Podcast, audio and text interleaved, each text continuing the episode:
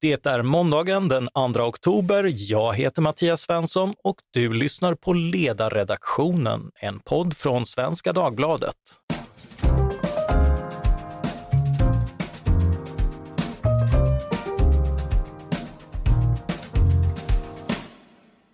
Dagens gäst är den amerikanska statsvetaren och ekonomen James Robinson. Han är engelskspråkig, så dagens samtal sker på något slags engelska, vilket jag hoppas att ni har överseende med.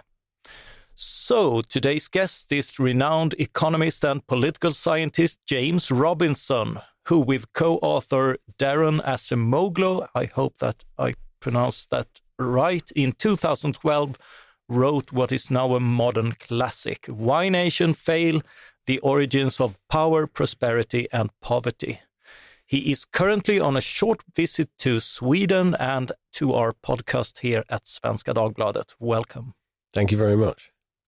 Jumping directly to the title, why do nations fail and what does it mean to fail? Well, I think by fail, we mean sort of fail economically, fail to develop economically. Um, and and uh, you know so so so why do they fail? That's to do with the institutions of the society you know what institutions by which we mean the rules that create incentives and opportunities for for people. And societies fail because they create institutions that don't incentivize people to act you know in the in the in the collective interest of the society. The society doesn't flourish economically because people don't have the opportunities and they don't have the incentives. They have the wrong sorts of institutions. Could you give an example uh, on on how development failed to materialize in, in poor countries? Well, I think I think one of the most revealing examples in the book is a sort of comparison. We do lots of comparisons, you know. Uh, and and and is between uh, who the two richest people in the world at the time we wrote the book, which was Bill Gates and Carlos Slim. And the interesting thing is not how rich they were, but how they made their money. So Gates made his money through innovation in the computer industry. Carlos Slim made his money by getting his friends in the Mexican government to privatize unregulated the telecom, the government telecom monopoly to him personally. So, so, so th- those two things, you know, we know that what creates economic growth is innovation. You know, is is is that that's entrepreneurship creativity, you know, new ideas that raise productivity. So that's what Gates did. You know, he innovated, you know, and Carlos Slim created a telecom monopoly. But why did why those two different outcomes? So that's to do with the institutions that push people's talents and energies in different directions. In the US, the way to make money is to innovate, to become an entrepreneur. The way to make money in Mexico is to kind of you know foment your political connections and get monopolies you know and and those two things are very different you know like the institutions behind that in the US we say well that's an example of inclusive institutions that create broad-based incentives and opportunities in Mexico it's the opposite it's extractive extractive institutions that create narrow incentives they create incentives for Carlos Slim but they block most people's opportunities and they block most people's incentives. So opportunities were pretty slim. Uh, didn't Adam Smith answer this question about wealth and poverty of nations some 250 years ago? In a sense, in a sense, you know, in a sense, but Adam Smith, there's two things missing from Adam Smith. One is uh, the politics behind the economic institutions. He was very focused on economic institutions and the consequences of different economic institutions. And I think, you know, he more or less got that right. But what he didn't have was a well articulated political account of the construction of different sorts of institutions. And he didn't really tackle the question of like, why does the world look so different? You know, like like for Professor Acemoglu and I, you know, we've always been fascinated with this question of like, why does the world look the way it does? You know, how come this part of the world is so successful economically and that part of the world isn't, you know, and of course that's to do with inclusive and extractive institutions. But then we're also very interested in the historical question of like, why was it this society developed inclusive institutions? And, you know, we know much more about the world now than Adam Smith did. Yes, yes. And, and some have to uh, make account of that. I understand. So some countries are rich and some poor. Uh, does it matter? Do we in rich countries like Sweden, the US, or Britain have an interest in helping poor countries get rich as well? Well, I think, you know, I think there's several answers to that. You know, one is, you know, if we don't help them, then their problems spill over to us. You know, isn't that the biggest political issue, you know, in the world today? You know, the migration absolutely. from poor countries from Central America to the southern border of the US across the Mediterranean. It's sort of destabilizing politics all over the world. So that's a reason for caring about it because it has massive externalities for us. You know, we just may care about it you know, for kind of moral or ethical reasons. You know, can we live on the planet, you know, and enjoy our lifestyle when we know that millions of people are kind of living in abject poverty and insecurity? I mean, so I think there's different reasons to care. Oh, definitely.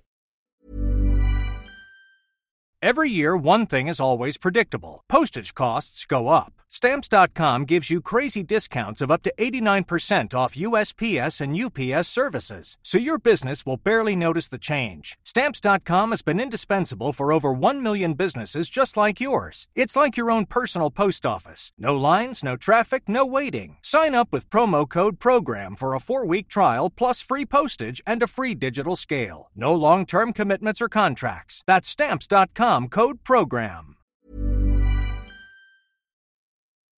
And uh, can we do it, help uh, other countries? And, and if so, how? By foreign aid, for example? Yeah, well, that's a much more complicated question. I don't yeah. think. I don't think we're very well equipped to do that at the moment. I, I mean, I do think there is a very positive role for outsiders. For you know, everyone needs help. You know, everyone needs help. I, you know, and and but but it matters how that help is given and in what form. You know, and and and and I, you know, I always give the example of the civil rights movement in the United States. That that you know that was that was in the south of the U.S. and but it enormously it was enormously facilitated from help from outside, from the north. You know, from people who go every summer, you know, to help to help voter register voters to organize, you know, help break the collective action problem. So I think you know, but I don't think we think enough about how to constructively engage with developing countries. You know, we don't think of ourselves as people coming in, you know, like Northerners coming to help the civil rights movement germinate. You know, we, we, this business of just like giving money, and I think that's based. It's basically driven by a very out of date understanding of these problems in developing countries. This idea if you just throw money at it, you can solve the problem. Like maybe that's good for humanitarian aid if you have a famine and great you give food and medical supplies and that's fantastic you know but that doesn't solve these problems countries. The, the, the, the, problems of these countries you know for me that's sort of fundamentally institutional. So how do you help them build institutions and build more inclusive institutions? And the thing is that that's not a technocratic problem you know it's a political problem. So so so it's fraught. it's a kind of different sort of problem than the development industry is really set up to solve yeah, exactly. But uh, uh foreign aid, for example, in Sweden, it's uh, it's targeted in uh, uh, in in how much you give away from from the state budget, ideally one percent, and. we we have tried to create development in this way.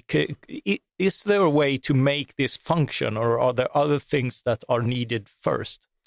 Well, I, you know, I would think that the, mo- the, the, the most important thing that Sweden could give developing countries is, you know, help them understand, you know, the lessons of Sweden. You know, like Swedish success, Sweden's institutional success. You know, this is a country with amazing rule of law and you know, it's one of the world's most successful societies, I think you'd have to say. So, how did the Swedes do that? I mean, I would say that's much more useful for the Africans to understand than just throwing money at them, you know. But of course, the development industry is not set up to operate like that. You know, how do we, you know, could you reflect on the successes, the institutional successes of Sweden and try to understand, you know, how could that be transmitted to, to developing societies or how could they learn from that model, the Swedish model, and I, you know, it seems like it's a different approach.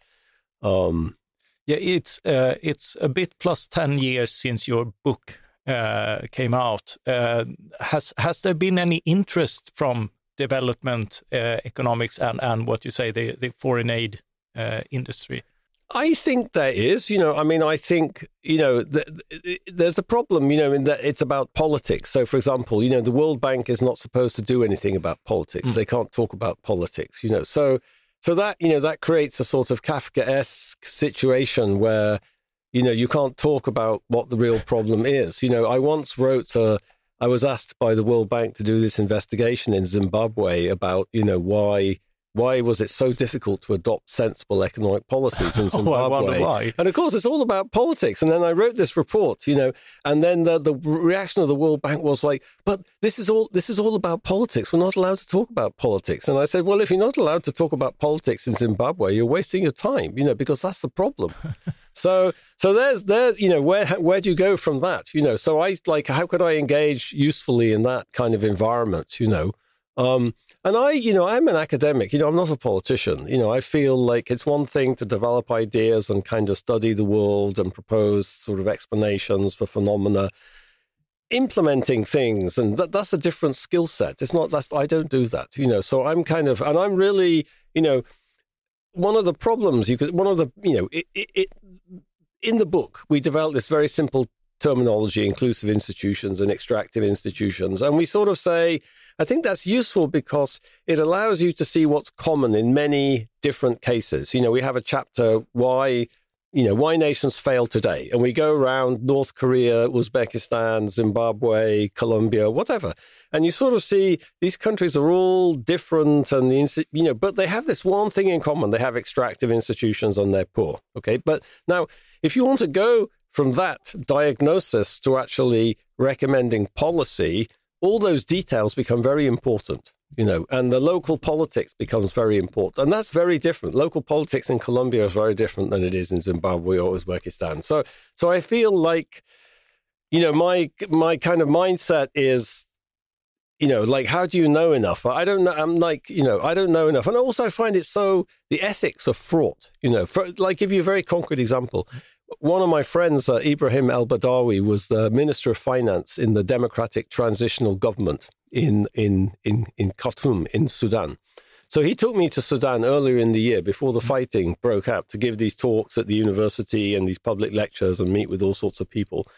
Fascinating, absolutely fascinating. But look at what's happening now. You know, is it ethical to go around telling people they should rise up against these extractive institutions and create an inclusive society, you know, as if I was like Jesus or something? And now look what's happening. You know, thousands of people are being killed and I don't know. I just, you know, it's it's it's it's very fraught ethically mm. it, it, for me personally anyway.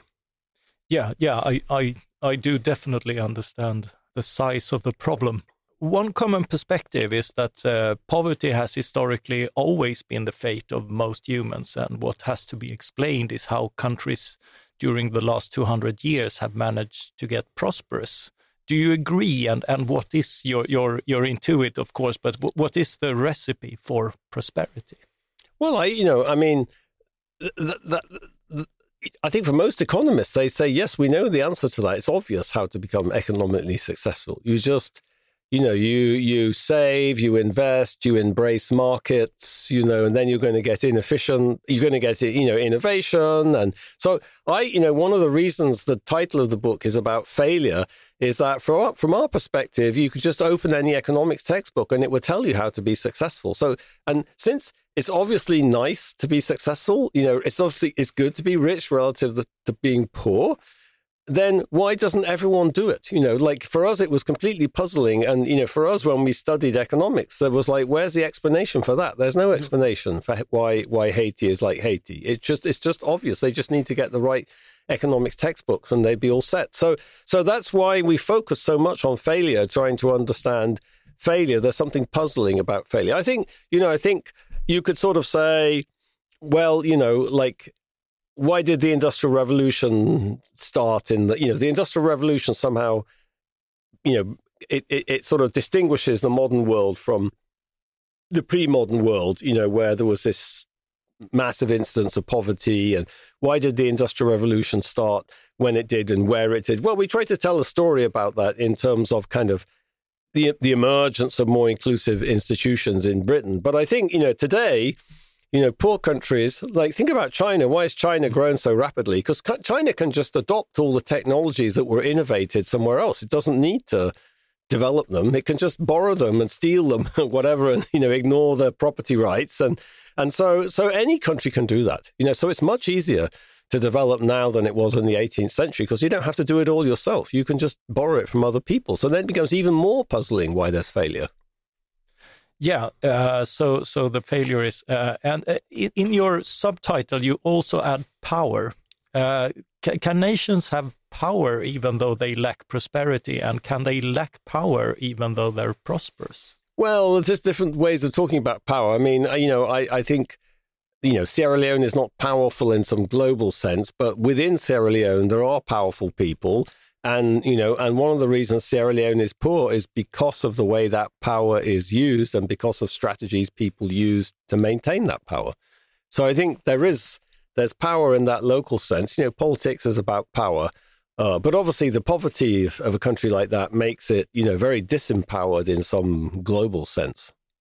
Yeah, uh, and and is it also a a more complicated uh, good? I mean, prosperity is better than poverty. I, mm. I think most of us would agree on, but is more power uh, always a good? Well, I I don't know. I'm not sure I have an answer to that. Like, I think people probably like exercise. I mean, I don't like exercising power, but many people obviously do like exercising power.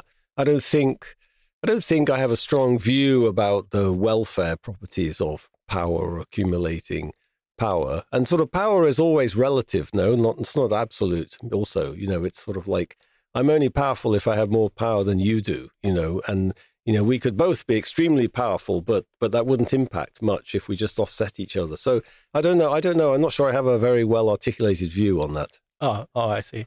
Um, you and uh, Daron Acemoglu wrote another book in 2019, what, one which I actually read, not just read about, The Narrow Corridor, on how hard it is for societies to develop and preserve liberty.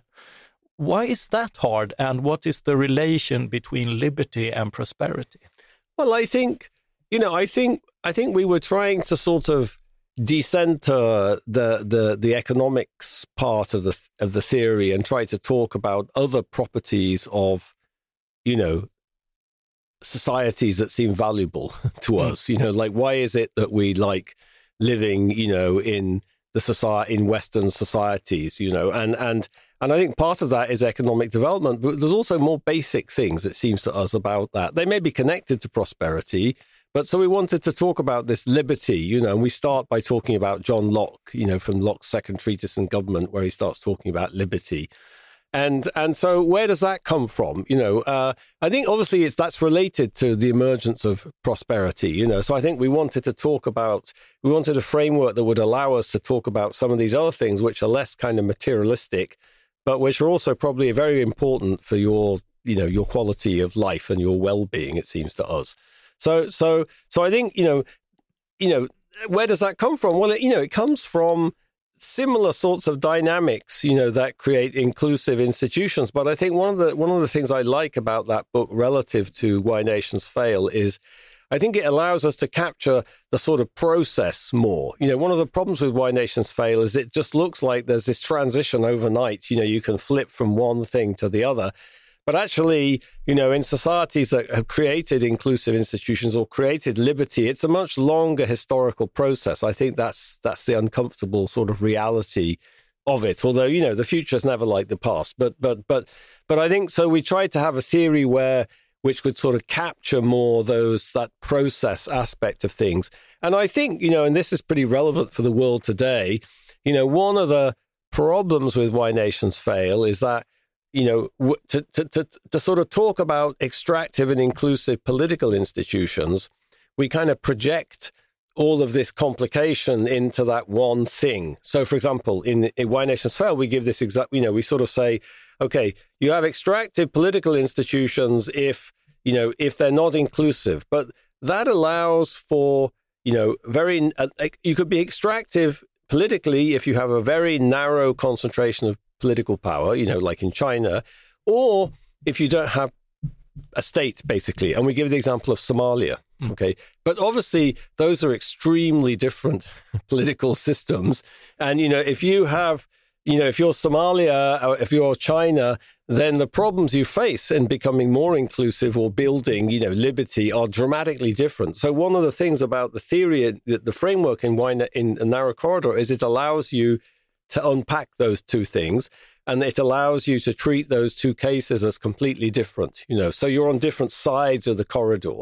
You know one you have the the state dominates society that's china. In somalia you know the society dominates the state and it's sort of in the middle you get this balance you get this narrow corridor where you get this kind of dynamics that leads you to liberty. So so so we felt that was that was a that was you know and i think that allows you to talk about all sorts of things that you couldn't really talk about with the model we had in Why Nations Fail. Yeah, yeah. I, I, I've used, we uh, had a book in uh, in Sweden recently about uh, how how Sweden became uh, how how the st- uh, state helped us uh, break with clan rule and, uh-huh. and, and the collectives. And I think you have a good formulation on on the cage of norms oh, yeah. that is uh, it's keeping peace, but it's keeping people uh, not free. Yeah. And, and that is the problem of mo most uh, countries that haven't developed yet. Uh, and, and then you have, on the other hand, when they start develop, the state gets too rich and too powerful and put people down again. Yeah, so that's yeah, exactly. So that allows us exactly to talk about cases like that, you know, and there's a lot of parts of the world like that too. So so you know, so I I yeah, yeah, you got it exactly the way we thought about it. Yeah. One one cynical thought, though, I've harbored, uh, saying it's because of institutions is a kind of answer that always sounds intelligent, uh, no matter what the question is. I, I mean, uh, but more as an explanation post fact, uh, does it have really any predictive value uh, as to what will happen? Could you look at, at the institutions and say, oh, this is what will happen? Well, I think I mean I think we do know things about you know we we do know there's quite a lot of evidence about the connection between more specific institutions. So so for example, you know we've done a lot of research on the impact of democracy, for example. So you know you so you see that uh, you know when a country democratizes, you know its income per capita goes up, you know by forty percent. There's better supply of public goods you see improved education you see you know so so so you see you know there are some systematic relationships between more inclusive political institutions and better developed uh, outcomes. So so you know there are some more precise claims like that. But obviously there's also a lot of heterogeneity you know so that's true on average but there's many different sorts of democracies. You know you can have democracies which are very clientelistic you know where you still have a lot of political corruption, you know. So so so there's yeah, yeah, and and and the future is always hard to predict. So Say hello to a new era of mental health care. Cerebral is here to help you achieve your mental wellness goals with professional therapy and medication management support. 100% online. You'll experience the all new Cerebral Way, an innovative approach to mental wellness designed around you. You'll get a personalized treatment plan from a therapist, prescriber, or both in a safe and judgment free space.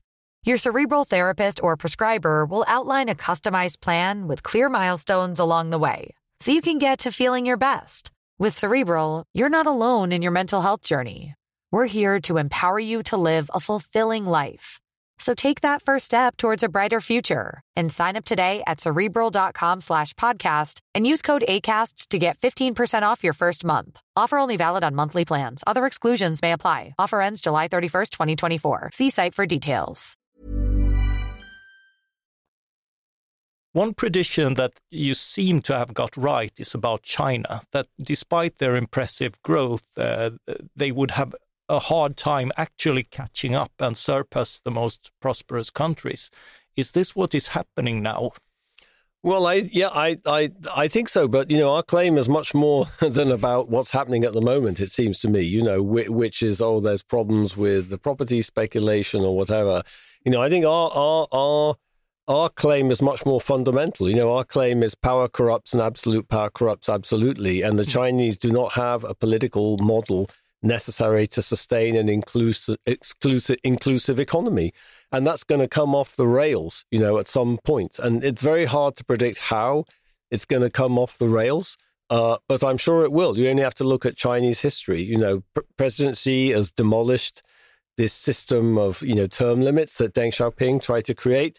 You know, he's concentrating political power in his own hands. He's created a personality cult, and you can't have a modern, innovative economy in a totalitarian system. And you know what I see is like the reason China succeeded economically since the 1970s is that the state withdrew from trying to control everybody's lives. That's what they did. They allowed people space, they gave them incentives, they allowed them to make decisions and stuff.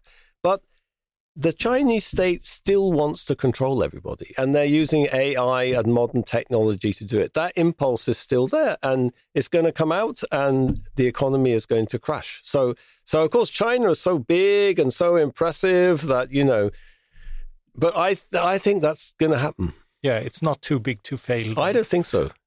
You have visited Sweden in gloomy days with news almost by the hour of drug related gang violence that just seems to ex- escalate and spread to new towns and areas. How severe is such a threat to the institutions behind a successful society? Well, I, you know, I think it is a threat, but I, but I, my own sort of experience here, perhaps is, you know, is perhaps influenced by the other parts of the world where, where I hang out, yeah, which is we're, we're still relatively uh, well off. Yeah, I mean Sweden is you know Sweden was just an enormous like Scandinavian countries is just an enormous anomaly in terms of how secure and how peaceful they are. You know, like even in England, you know, you have hardcore criminality, you know, in East London, for example, East End of London, you have gangs, you have mobsters, you know, like so so so even England is not like that and it hasn't been, you know. And I so I I sort of feel you know, maybe you're just coming back to something a bit more normal. Like every society has to deal with these problems, you know, where there's the rule of law and there's regulations, there's going to be economic incentives to sort of cheat on those regulations, and there's going to be incentives to engage in crime. There's social problems, you know, there's drugs. How do we deal with those problems? You know, we try to regulate them, which, you know, so, so, so I, I, you know, it probably was inevitable that, that Sweden was going to revert to the mean a bit on that front. You know, I would, would say. Oh, I see. Yeah. You're writing, you're co-writing books with uh, Daron Acemoglu. Are, are there any new books forthcoming? So we we we're we're working on something. Yeah, we're working on a new. We have a new project we're working on. Yeah, but it's not uh, official yet, or you know, I can tell you the idea. I mean, so we, you know, the first work work we've done, the first work work we did, you know, thirty years ago, was kind of theoretical work on democracy and democratization and coups, and you know, it turned out that nobody had ever really written a mathematical model of these sorts of things down before, you know. So it was a fabulous topic, you know, and we studied the history of democratization. And then, you know, we worked on these development topics and inclusive institutions. And I think we've been talking for a number of, number of years about we've never taken a kind of fundamental enough approach about like humanity. You know, are are humans like really egalitarian or in like why? Where does democracy come from? Where does this egalitarian impulse come from in the political sphere? Because you see you know humans are quite happy to sort of line up and you know like chickens have a pecking order. You know chickens have this sort of status hierarchy you know and they all kind of happily merge into the status hierarchy. But humans sort of do that a bit too you know like humans are very good at rationalizing inequality and hierarchy. So so we feel like you know, humans are sort of, there's this almost like dialectical force in history, you know, that humans have in their head a sort of egalitarian model of society. And they have this hierarchical models of society too. And I guess the way we've been thinking about that is it's, it's very it's very deep in our evolution. You know, if you look at our closest primate relatives, you know, chimpanzees. Chimpanzees have status hierarchy. You know, they have alpha males. You know, gorillas have silverbacks. But what you also see with chimpanzees is, you know, non alpha males will get together collectively and kind of pull down the alpha male, you know. And so there's an egalitarian impulse there too also and so so one thing we've been playing we've been looking at lots of different historical examples and trying to think about you know where does this egalitarianism come from and how is it sort of in contradiction with or in some sort of dialectical opposition to this more hierarchical model of the of, of society you know? So so so so that's does that make any sense? You know so that's what we're that's what we're working it, on. it, yeah. It, yeah. it it sounds uh, if if somebody solves that issue i'm i'm most definitely interested. Okay. Uh, so uh, this co-authorship uh, what what uh, what is the uh, the good things about combining being two authors well, I think you know, I think we're we're terribly close friends. You know, we've been friends for thirty years, thirty-one years. We met ago, thirty-one years ago. I gave a seminar at the London School of Economics, and Daron was a student. So we we were we're extremely good friends, and I think you know we're we're like we're interested in the same things. We figured that out 31 years ago, and we're good at different things, you know, like so. So we complement each other, and we really like hanging out and like talking about stuff. And I probably talk to him on the telephone every day. You know, I'll talk to him from here in Sweden, for example. So we just like we have all these things. We're always curious about trying to understand, and we just like we just have fun, you know. So so I think I think that's and it's always it's so easy to do things like it's so easy to work with him. It's like okay, you do this, I'll do that. Like do that, right? Yeah, okay, good. And we never, you know, it's sort of I don't know. It's always been so easy to, to work with him. It's just like a blast. Yeah, it it illustrates the uh, the virtues of specialization. Uh, thank you so much, James Robinson, for coming here. Oh, my pleasure. It's been great. Tack så mycket också till alla er som har lyssnat på ledarredaktionen. Behöver jag be om ursäkt för min franska eller spikade jag engelskan så att det gick att lyssna på? Vill ni höra fler internationella gäster och i så fall vilka? Maila era tankar till oss på ledarsidan svd.se. Ledarsidan svd.se. Producent för det här avsnittet var Jesper Sandström. Jag heter Mattias Svensson och jag hoppas att vi snart hörs igen. Tack för den här gången.